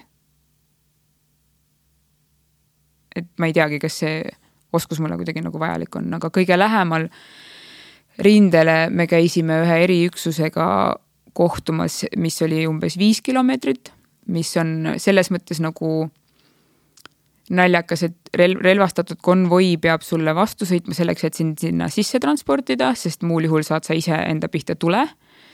äh,. lepitakse viimasel hetkel kohtumispunkt kokku, meedik sõidab välja, kellega siis meil oli asja kohtuda. rindel käis nii räige lauspommitamine, et äh, seda oli nagu maa peal tunda. jälle nagu mõtlen, et nii palju tegelikult, ma ei tea, laskemoona, mis läheb ikkagi nagu ei kuhugile ja seal otseselt ma tunnen isegi mingil veidral moel ennast turvalisemalt, sest mul on lihtsam olla nagu tagalas või rinde lähedal koos sõjaväega, kellel on Intel nagu kõrvas. mul on endal plaadid peal, mu ümber on inimesed, kellel on javelinid. Versus näiteks, kui olla linnas, kus ainuüksi linna pommitamisest see killustik või see nagu debrii või siin nii-öelda nagu pommi lõhkamisest tekkiv nagu öm, puru, mis lendab Harkivi kesklinnas, eriti kui seal ähm, liikuda, siis sa nagu näed seda, kui palju ohtlikum mõnes mõttes tegelikult linnapommi nagu kätte jääda on. sest sealt see võimendub, see nagu plahvatuse järel, see nagu, kui palju sealt nagu viga võib tulla mõnes mõttes. Ja noh, laus tavapommitamisega on ka reegel see, et kui, kui see ei ole see nii-öelda äh, grad rocket launcher et seda peavad kõik kohalikud kõige hirmsamaks, ka mina, sest see on nii-öelda terve orel rakett ja kui sa ühte näed, tuleb veel kümme pluss järele. et see on nagu, siis ei ole väga midagi teha, siis on väga halvasti vedanud. Tavalise nende, nende suurtükipommide eelis on see, et kui sa seda just otsejaamale nagu pähe ei saa, siis tihti inimesed unustavad ära, et see pomm kukub maha ja viga tuleb sellest üles lendavast killust. ehk siis, kui sa pikali heidad sama ka rakettidega on ikkagi suur võimalus, et võib-olla sa saad lihtsalt suure sabina nagu metalli ja mulda omale peale. et mingi võimalus nagu on, sul on mingi kasutegur sellest, et sa nagu valid omale strateegiliselt koha pikali heitmiseks. Ehm, pigem on sellise nii lähedal rindele mineku keeruline punkt hoopis sealt lahkumine. sest sa oled nii halvasti pommide ja rakettide lennuulatuses, et sa pead lahkuma sealt meeletu kiirusega et äh, see ärasõit on minu arust kõige hirmsam võib-olla. kas oli mingeid väga ohtlikke olukordi ka? mul ei olnud nii ohtlikke olukordi, et mul oli olukordi kindlasti, kus ma nagu kartsin ja sain nagu selgelt aru, et, et siin on nüüd nagu iga võimalus, et mida, iga hetk on võimalus, et midagi võib nagu halvasti minna. aga see ükskord, kui oleks võimalik olnud päriselt nii-öelda nagu rindele rindele minna, siis ma, me ikkagi keeldusime sellest, sest see ei olnud meie töö jaoks enam vajalik et me olime suutnud äh, rinde läheduses oma vajalikuks tööks kõik ära kaardistada, ära rääkida, kokkulepped teha ja see, mis oli vaja ära teha. ja kui mehed küsisid, kas me tahaksime, et nad on praegu heal positsioonil ka seal nii-öelda nagu kaevikutes ära käia äh,, näha, mis seal toimub, võib-olla ka tulistada rakette, siis äh, see läks kuskile nagu sellisele ebavajaliku ja nagu peaaegu et eetiliste nagu küsimuste piirimaale et minu jaoks isegi veidral kombel nagu kõige ohtlikum hetk oli hoopis tõeline loll äh, turistihetk. nimelt äh, rindelt ära tulles oli imeilus äh, päikseloojang ja me pidasime auto kinni, sest ma tahtsin teha ühe pildi. ja ma jõudsin kolm sammu astuda põllule, kuniks ma suure hurraaga, et kohe päike kukub, filmitegija tahab kaadrit Ukraina päikseloojangust. sain aru, et keset põldu on väike punane silt ja väike punane silt tähendab seda, et seal on palju miine nii et kui ma hakkasin ümber vaatama, siis ma nägin, et ahah, siin on nagu värsked kaevikuid niimoodi kahe kilomeetri jagu kaevatud, nad on osa sellest põllust siis nii-öelda ettevalmistavalt ära mineerinud. Ja ma astusin kolm sammu täpselt samamoodi, nagu ma nüüd astusin tagurpidi tagasi ja mõtlesin pikalt nagu selle üle järele, et kui lihtne on unustada. et mingi täiesti lolli nagu veaga võid sa tegelikult nagu hoopis otsa saada, et mingid need nagu päriselt äh, hirmsad hetked olid ikkagi pea, pigem seotud mingite selliste asjadega, et nagu selle öö, keset ööd mingisugusest äh, demineerimata põllust üle sõitmine või ise mingi lolli vea võimaliku tegemise või muu osas, aga rindel oleku puhul sul on nii kõva nanoadrenaliini nagu süst ajus iseenda poolt sellel hetkel, et äh, sa alles pärast saad aru, et äh, ma ei tea, näiteks lähed magama ja, ja pead magama kümme tundi järjest, sellepärast et sa saad aru, et sa oled oma nagu jõuvarusid ette kulutanud. aga nii, et oleks kuskil meie nagu läheduses, et peaks nagu jooksma või keegi oleks pihta saanud midagi sellist, et ei, et see sellis-, sellisesse nagu, sellise leveli nagu ohtlikkusse iseenda nagu pistmine ei ole ka eesmärk ju. aga see moment, et kuidas sa üldse ennast nagu tundsid või mis seisundis sa seal olid, et kas tohutu pinge või, või sa harjusid sellega või ma ei kujuta ette lihtsalt. alguses oli kindlasti tohutu pinge. mingil määral sa siis nagu ajaga harjud. inimese puhul on minu arust veider ja ohtlik see, kui kiiresti sa harjud. Et kui ma esimene nädal sõitsin Kiievi sisse üle demineeritud tee, mis ajas võib-olla nagu enim mind hirmule sest me oleme midagi kunagi sellist kogenud ja see öösel sõitmine üle mingi põllu, seal on lihtsalt mingid vaod, mingi tõenäosus nagu noh, üle ääre sõita kogu aeg suur. siis juba järgmine nädal pidin ma selle sama põllu pealt ise roolis olema konvois. et nii see Ukrainas see nagu ohut-, ohtlikkuse astme nagu tõstmine käib. Harkivis olime, linna pommitati paar korda. teinekord, kui olime tagasi, oli lauspommitamine samal ajal ja sa juba oledki nagu harjunud ähm,. rindel käies lauspommitamine oli pidev, väljasõitmine oli üliohtlik, järgmine kord rindel käies oli juba küsimus, et kas me ise tulistame midagi et see nagu ohtlik asi on kindlasti mõnes mõttes see kiire harjumine ohu endaga. ja sellega peab arvestama nagu Ukrainas, et äh, seda ohutunnet ei tohi nagu kaotada just sellesama arvelt, et sa tegelikult seda nagu taset tõstad kogu aeg, mida rohkem nagu ohtlikes kohtades sa käid. et iga kord sa mõtled, et no aga ei juhtunud midagi. aga tegelikult sa kunagi ei tea, et mis see nagu, mis päev varem või päev hiljem nagu samas kohas oleks võinud juhtuda. ma näen enda puhul täna praegu tagasi olles sellist äh, õrna BSD nagu post-traumatic äh, stress disorder või sellele sarnast äh, mingit sellist nagu vaimset nähtu, et mulle ei sobi lennuki lendamise heli. Ukrainas lennukid ei lenda, kui sa kuuled lennukit lendamas, siis see on nagu hästi suur alerditunne sinus. see ei tööta millegipärast ka siin Tallinnas juba nädal aega ja sama oli ka eelmine kord. uksepaugud, šampusekork, õhuhäirele sarnased helid. Need kindlasti kõik lülitavad mind mingisse nagu teise kohta see pidavat muidugi olema tavaline, et see nii-öelda fight and flight mode sinu limbilise ajusüsteemi siis äh, osana on sisse lülitatud äh, uue konteksti avamise tõttu ja pidavad siis nii-öelda tagasi tsiviilelus olles äh, mingi aja pärast, kui see pidev oht siiski ei ole kohal, ka nagu maha rahunema või ära kaduma.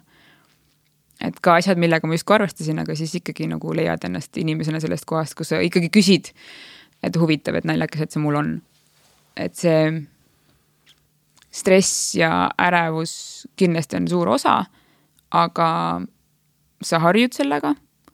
sa isegi harjud selle pingega ja noh, pingega tõesti on nii, et sellel hetkel, kui on nagu hinge kinni vaja hoida, siis sul on nii palju adrenaliini kehas, et sa nagu ei registreeri mõnes mõttes seda ära ja saad selle nagu sellise järellainetusena alles aru, et missuguse tüki see võib-olla sinust ära võtab.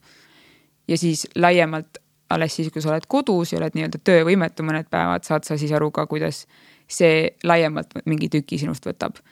et kõik need nagu asjad nõuavad teatud mõttes sellist protsessimist. väga oluline on siin ise saada nagu näpuga nii-öelda nagu järjele, et sa vähemalt äh, teadvustad endale, et nüüd toimib, toimub see hetk, nüüd ma loen viiendat äh, päeva põhimõttelist töövõimetust, sest puhata ei ole saanud või pingelangus on nii suur. et ähm, kindlasti sellel kõigel, mis ma tahan öelda, on hind. sa tundud hästi tugev, aga kas seal teie tiimis oli ka inimesi, kellele mõjus see kuidagi ettearvamatult halvasti? Ma arvan, et see reis laiema tiimiga oli kindlasti palju selline väiksemate julgeolekukaalutlustega juba selle arvelt, et see ei olnud vajalik ja meie rindelkäigud olid nagu selleks hetkeks eh, tegelikult tegevjuhiga nagu tehtud. et polnud, pole rohkem vaja. et ma arvan, et ähm, neile võib-olla ei oleks sobinud täiesti selline nagu rindel käimine. Aga see on alati nii nagu selline konteksti ja olukorra ja kõigega muuga seotud, et kui sinu nagu kutsumus on äh, meditsiin ja sa väga soovid äh, aidata ühte välihaiglat, kellel on väga-väga-väga keeruline olukord ja sul on need vahendid olemas ja sul on võimalik sinna kohale nagu minna. et siis ma arvan, et ka see inimene, kes muidu võib-olla oleks kartlik, siiski võtaks selle otsuse vastu ja, ja teeks seda. Et äh, ma ei saa kindlasti teiste eest selles mõttes rääkida. et äh, meie tegevjuht Johanna kindlasti on väga tugev inimene ja ma arvan, et me mõlemad, mina ei tea, kas ma sellisel moel suudaks nagu ka päris tööd teha, nagu tema teeb. aga ma arvan, et me mõlemad peame endale nagu aru andma selles osas, et äh, täpselt seesama, et palju sellest tuleb hiljem nagu tagasi ja võtab selle nagu, me näeme seda hinda nagu hiljem. et kui üldse siin miski on nagu ohtlik selles nii-öelda nagu vaimses füüsilises perspektiivis, siis on see nagu suure tugevuse arvelt hiljem aru saada, et mis selle hind on. kui sa oled ise seal lähedal käinud, et kas sul on tunne, et, et me peaksime kõik tegutsema palju kiiremini? et kas me se siin seisame, ootame midagi? Ja, ja ei, kas me peaks tegutsema kiiremini ja kas me seisame ja ootame? ja, ja ei, ühelt poolt jah, kogu aeg on tunne, et ikka veel ei ole piisav, kogu aeg on vaja midagi teha, ikka on asju puudu, iga päev saab keegi surma, iga päev tulevad mingid uued rõvedad lood välja. selle kõige hulgas on veel mingi meeletu ökokatastroofi võimalik perspektiiv, kui juba täna mingi, ma ei tea, suvaline näide, tuhandeid delfiine, kes on miinide tõttu saanud põletada või kelle siseorganid on sassis, kes hulbivad seal Mustas meres nagu arutult ringi. Neid on tuhandeid rääkimata nendest, kes on surma saanud. et siis selles perspektiivis võiks ju kogu aeg nagu paanitseda ja mõelda, et jah, kiire on. kuradi kiire on. aga nüüd ma ise ju selle nelja kuu järel näen, et sunnitletud abi või läbi mõtestatud abi on efektiivsem. ja sa pead valima siis selle, et kuidas need kaks asja nüüd kuidagi nagu kokku tuleks. pigem ei saa selle nagu põletava kiiruse pealt head tulemust. isegi siis, kui on sõda. isegi siis, kui on samal ajal vägistamine, tapmine. Üks asi, mis mulle veel kõrvu jäi, et sa andsid siin selliseid täpseid ja professionaalseid ülevaateid ja hinnanguid. aga tegelikult oled sa ikkagi filmitegija ja sinu see väljaõpe toimus vähemalt praegu hinnates hästi kiiresti ja sa pidasid ikkagi juba sajaprotsendiliselt seda tööd enda tööks? siin on nagu mitu pointi. üks on see, et enne kui ma Ukrainasse läksin, oli meil juba mitu kuud meditsiiniga seotud tööd all, sest me ainult olime ju kiirabisid koos kiirabide sisse minevate nagu vajalike varustuste nii-öelda komplektidega saatnud ja selle hulgas juba oli seda taktikalist meditsiini ehk rindele sobivat varustust olnud. ja kui me räägime sellest nii-öelda sõduri isiklikust esmaabikotist, siis seal on loetud arv asju. jälle, need on asjad, mille igaüks, kes täna praegu kuulab, võiks selgeks endale õppida. Ja tegelikult ma olen päris aus, nüüd kui ma olen ise siis mingi baastaktikalise meditsiini koolituse saanud, me kõik tegelikult võiks siin Eestis ka juba neid teha. sest arteriaalse vere peatamine võib juhtuda ka, kui sa paigaldad klaasi, kui sa oled autoõnnetuses, kui sa satud olema kaubanduskeskuses, kus keegi kukub klaasi sisse, mida iganes. et ähm, see on spetsiifiline maailm ja seda ei pea üldse nagu esimest korda elus endale selgeks tegema siis, kui on sõda. See on minu arust üks nendest nagu meeldetuletustes elus vägagi. et sul on ainult viis liitrit verd ikkagi? täpselt. ja see ei muutu, sõda või mitte. ja teine asi, ma ei taha olla olukorras näiteks täna eriti, et ma ei oska aidata tavalised esmaabi nagu kursused, arusaam, võib-olla tõesti taktikaline meditsiin kõlab nagu kuidagi väga spetsiifiliselt, aga me räägime väga baasvajadustest esmaabist tegelikult. samamoodi kaldudes teemast kõrvale, ma ei tea, näiteks relva käsitsemise oskus. veel kakskümmend kolm veebruar, ma arvan, inimesena ma ei oleks suutnud isegi enesekaitseks kedagi tulistada. ma oleks väga isiklikult lähtunud äh, hoopis üliempaatilisest vaatepunktist, et mis on selle inimese toonud siia minu ette põhjusega vägivallatseda.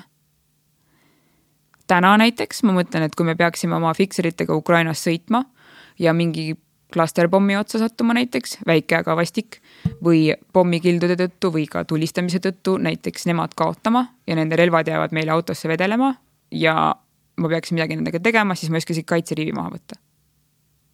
ma nagu ei hakkaks relva omal kaasas kandma, ma arvan, et see on ohtlik ja ebavajalik. eriti, et mis sa selle üheksa millimeetriga ikka teed. aga just see mingi põhimõtteline küsimus, et ma ei oska midagi teha. sama on täpselt selle esmaabiga. et ähm, võiks tegelikult osata, võiks neid teadmisi üle korrata. ja ma ei usu, et see on mingi paaniline ettevalmistamine. ma arvan, et äh, see on ikkagi põhjusega elu päästev abi, et üks päev tegelikult võib-olla tuleb see tund, kus sul on seda vaja ja siis sa oled tänulik, et sa tegelikult oskasid. aga kõik see kuidagi, et mis sorti rindemeditsiini umbes Ukrainas on vaja, oli mingi asi, mis oli juba tegelikult läbi töötatud enne. Et ja need ei ole asjad jälle, mida, mis oleks nii spetsiifilised, mida nagu keegi, kellel ei ole aega ja natuke nutti ei võiks omale selgeks õppida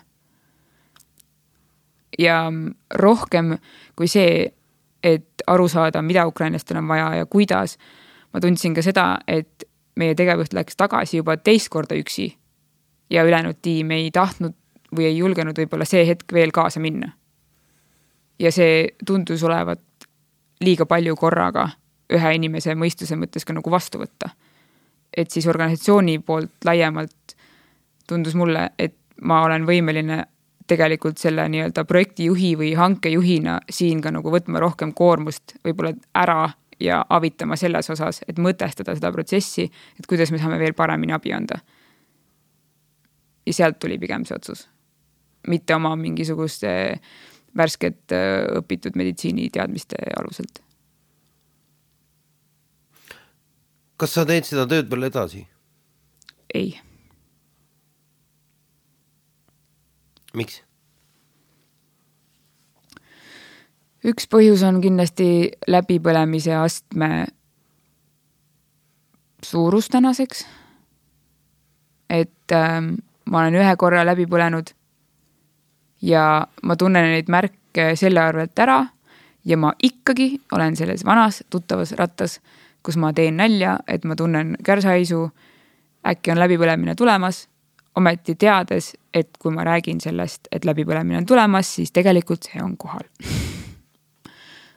et ähm, mitte ainult pinge või ohtlikes kohtades käimine või kuulivesti ringi tassimine ei äh, taga seda, et sa oled äh, viis päeva töövõimetu. see on ka seotud väga selgelt sellega, et äh, on panustatud rohkem, kui on inimesele pikas perspektiivis nagu võimalik seesama sprint versus maraton. sa ei saa sprindi vormis maratoni teha, varem või hiljem sa kukud kokku. et ähm, minu jaoks hakkab see piir nagu kätte tulema. ja isiklikust äh, vaatepunktist ma mingi valemiga sain kevadel magistrisse sisse. ja sügisel algab kool. Ja mul on sellest äh, hea meel sest äh, ma ei julgenud kellelegi öeldagi, et ma sinna magistrisse sisse sain, sest ma arvasin, et ma ei saa ja ma väga ootan seda äh, tööd näitlejaga spetsiifilist magistrikursust. nii et ähm, see on nagunii selline piir laiemalt, aga ma pean tõdema nagu, et filmikurat on minu südame võib-olla ka jää, jäägitult võitnud selles osas, et ma oma filmiprojekte kindlasti katki jätta ei taha et see aeg, kus mul oli võimalik nii-öelda kummi venitada, saab ka läbi tegelikult, ma pean jätkama nende projektidega, mida siis nii-öelda sai praegu pausile panna. aga kindlasti on oluline, ma arvan, täiskasvanud inimesena enda jaoks lubada selliseid kõrvalpõikeid karjäärist või mingist spetsiifilisest erialatööst. et see julgus nagu minna ja proovida midagi muud ja siis panna perspektiivi see, mida sa täna teed julgeda kahelda, et kas see on see, mis sind päriselt kuidagi õnnelikuks teeb või see töö, mida sa teed nagu rõõmuga. nii palju kui saab, on häid ja halbu päevi, aga asi, mida sa teha tahad. elu on lihtsalt liiga kuradi lühike selleks, et teha midagi, mida sa üldse teha ei taha. ja tegeleda enesepettusega, et võib-olla see äge asi oleks äge teha lihtsalt sellepärast, et see on äge, on ka suhteliselt õnnetu perspektiiv. ideaalis me võiks leida oma päevi sisustamiseks mingi sellise töö, mis ikkagi natukene kõditab meid inimesena arenema ise ka paremaks ja panustama natuke rohkem. seega selles kahelda, et mida sa vahel teed või julgeda proovida midagi muud teha, et enda kohta midagi avastada, maailma kohta midagi avastada ja panna mingisse perspektiivi nagu see, mis sa täna teed. millal seda siis ikka teed, kui mitte veel nagu praegu? Või võib-olla veel järgmised kümme, kakskümmend aastat, aga kahjuks või õnneks minu arust elus tuleb varem või hiljem punkt, kus me sellest nagu mugavusest enam ei ole nõus välja astuma. või ei saa, meil on kohustusi liiga palju. et ma kindlasti mõnes mõttes olen, ma ei suuda öelda uhke, sest äh, ma ei oska kasutada selliseid sõnu, aga mul on hea meel, et ma olen enda jaoks pannud proovile selle nii-öelda abi andmise töö. Sest ma kindlasti olen palju mõelnud, et kas võib-olla see oleks mingi asi, mis oleks minu kutsumus tegelikult. rohkem kui filmi tegemine. aga film võitis kindlasti see filmi tegija ju sinu sees ei maganud, vaid äh, mõtlen, et äh, kui sa oleksid seal, sa vaatasid ju ka nagu režissöör, nagu lavastaja, nagu dokfilmi autor seda olukorda, mida sa oleksid sealt filminud, millise filmiga sa oleksid tagasi tulnud sealt? see jääb küll sinu pähe nüüd ainult. no mina, ma arvan äh,, filmi tegijana olen palju mõelnud selle üle, et mis nurgast võid sa üldse lugu alustuseks jutustada. et ma kindlasti ei saa võtta alustuseks üldse ukrainlaste nagu vaatevinklit või positsiooni. et ma alustuseks pean tegema seda läbi oma nii-öelda perspektiivi. ja kindlasti see oleks need nagu rõõmud ja mured, mis on ühe nagu kasvava organisatsiooni võib-olla nagu tiimi sees. et need nagu õhtud, kus äh, sa istud äh, kahekesi äh, Kiievis, te olete just nagu kinni teipinud kõik korteri aknad, sest terve riigikaart on punane. mõlemad tegelikult kardavad. otseselt ei taha sellega nagu ka kuidagi liiga paanikasse minna. üksi magada ka nagu ei julge siis me istume kahekesi tegevjuhiga seal voodi peal. ootame, et see nagu hetkeline hirm, millest kumbki nagu tegelikult ei räägi, mööda läheks. ja siis juhtub sihuke nagu haruldane hetk, kus aeg jääb seisma ja mingil X põhjusel inimesed, kes üksteist tegelikult ei tunne, muutuvad selle arvelt lähedaseks. Need, need veidrad hetked, kus hakkavad mingid täiesti uued vestlused mingil täiesti teisel tasandil peale. on võib-olla see mingi veider teine sõja tagala, kust mina võib-olla läheneksin. mingile loole. sest see nii-öelda isiklik perspektiiv, ma arvan, on, kui üldse nii öelda saab, minu tugevus või kuidagi koht, kus ma tunnen ennast kindlalt aga jaa, mingid äh, veidrad murdumise või kokkuliimimise hetked suure pinge käigus, mis tulevad ja üllatavad sind. et selle sõja käigus kindlasti kasvõi nagu rindelt ära tulles, kui me kihutasime sada kolmkümmend kilomeetrit tunnis ära, et mitte raketiga pähe saada samal hetkel oli algamas tohutu suur suvi. õues oli selline hiire kõrvul kased hele,, hele-hele neoonroheline loodus. tolm, paks tolm, kruusatee, mis on auguline. ees sõidab äh, sihuke buggy, millel on javelinid peal. kuskil laulab linnukene, kui sa korraks kuuled. ja siis see tolmu sees on sihuke nagu miraaž mõnes mõttes see kõik ja sa pead nagu üheks korraks vaatama kellelegi silma selleks, et sellel hetkel selles ühes pilgus oleks täpselt seesama tuhat sõna. et minu arust on nagu need momendid, millest midagi teha. aga tihti selliste momentide puhul on nende üleskirjutamine ja nende kirjalik väljendus tugevam. sest sa lubad siis sellel lugejal ise ette seda kujutada.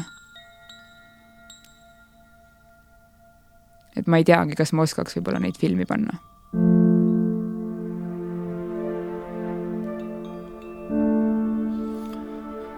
väga ilusad ja sügavad mõtted.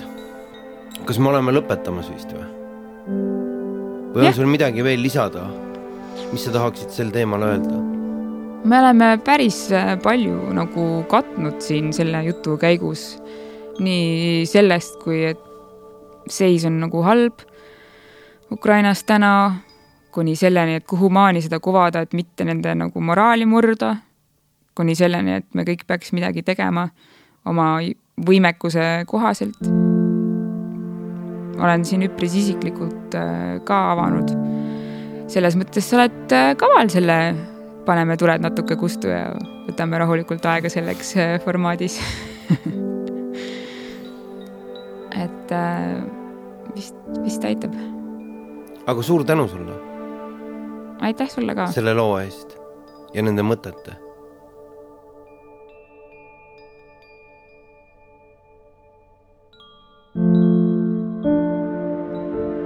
ja ma olen ise aru saanud selle sõja käigus ka sellest, ma tahan seda kogu aeg rõhutada, et ma ei ole mitte keegi spekuleerimaks sõja teemal. lõppkokkuvõttes kõik teevad seda mingi sellise killustatud äh, pildi alusel. võetakse poolsuvalisi uudiste pealkirjasid, natuke mingit lõiku ühest artiklist, natuke mingit lõiku teisest artiklist ja sellest ehitatakse juba miski väljakujunenud arusaam. ja see on minu jaoks hästi veider. Kogu see sõda on õpetanud seda, et maailm on nii palju kirjum koht, halle alasid on nii palju rohkem, kui üldse ma oleks arvanud. et selles raamis kuidagi veel julgeda nagu mitteteadliku inimesena tegelikult puudus, selleks puudub ju laiem pilt ajaloost, sõjamahinismidest, äh, erinevatest sõjafaasidest, kõigest sellest. Et siis minna nagu spekuleerima on minu jaoks nagu ainult siis võimalik, kui on selge, et ma olen ise kommunikeerinud, et see on minu väikse peaga välja öeldud, mõeldud asi selle põhjal, mida mina ise olen isiklikult kogenud või näinud või kuulnud põhimõtteliselt otsekontaktide alusel ja ma olen oma selle pildi ehitanud nagu selle arvelt ülesse ja siis noh, mingid uudised ja vestlused, mida ma olen pidanud, aga et see ei päde. et see ongi ainult minu perspektiiv. Et nagu muust ju ei saakski rääkida, et kõik muu oleks ma ei tea, mis asi nagu mingi tõe nagu kujutamine, millest sul endal aimu tegelikult ei ole. see, see oleks nagu veider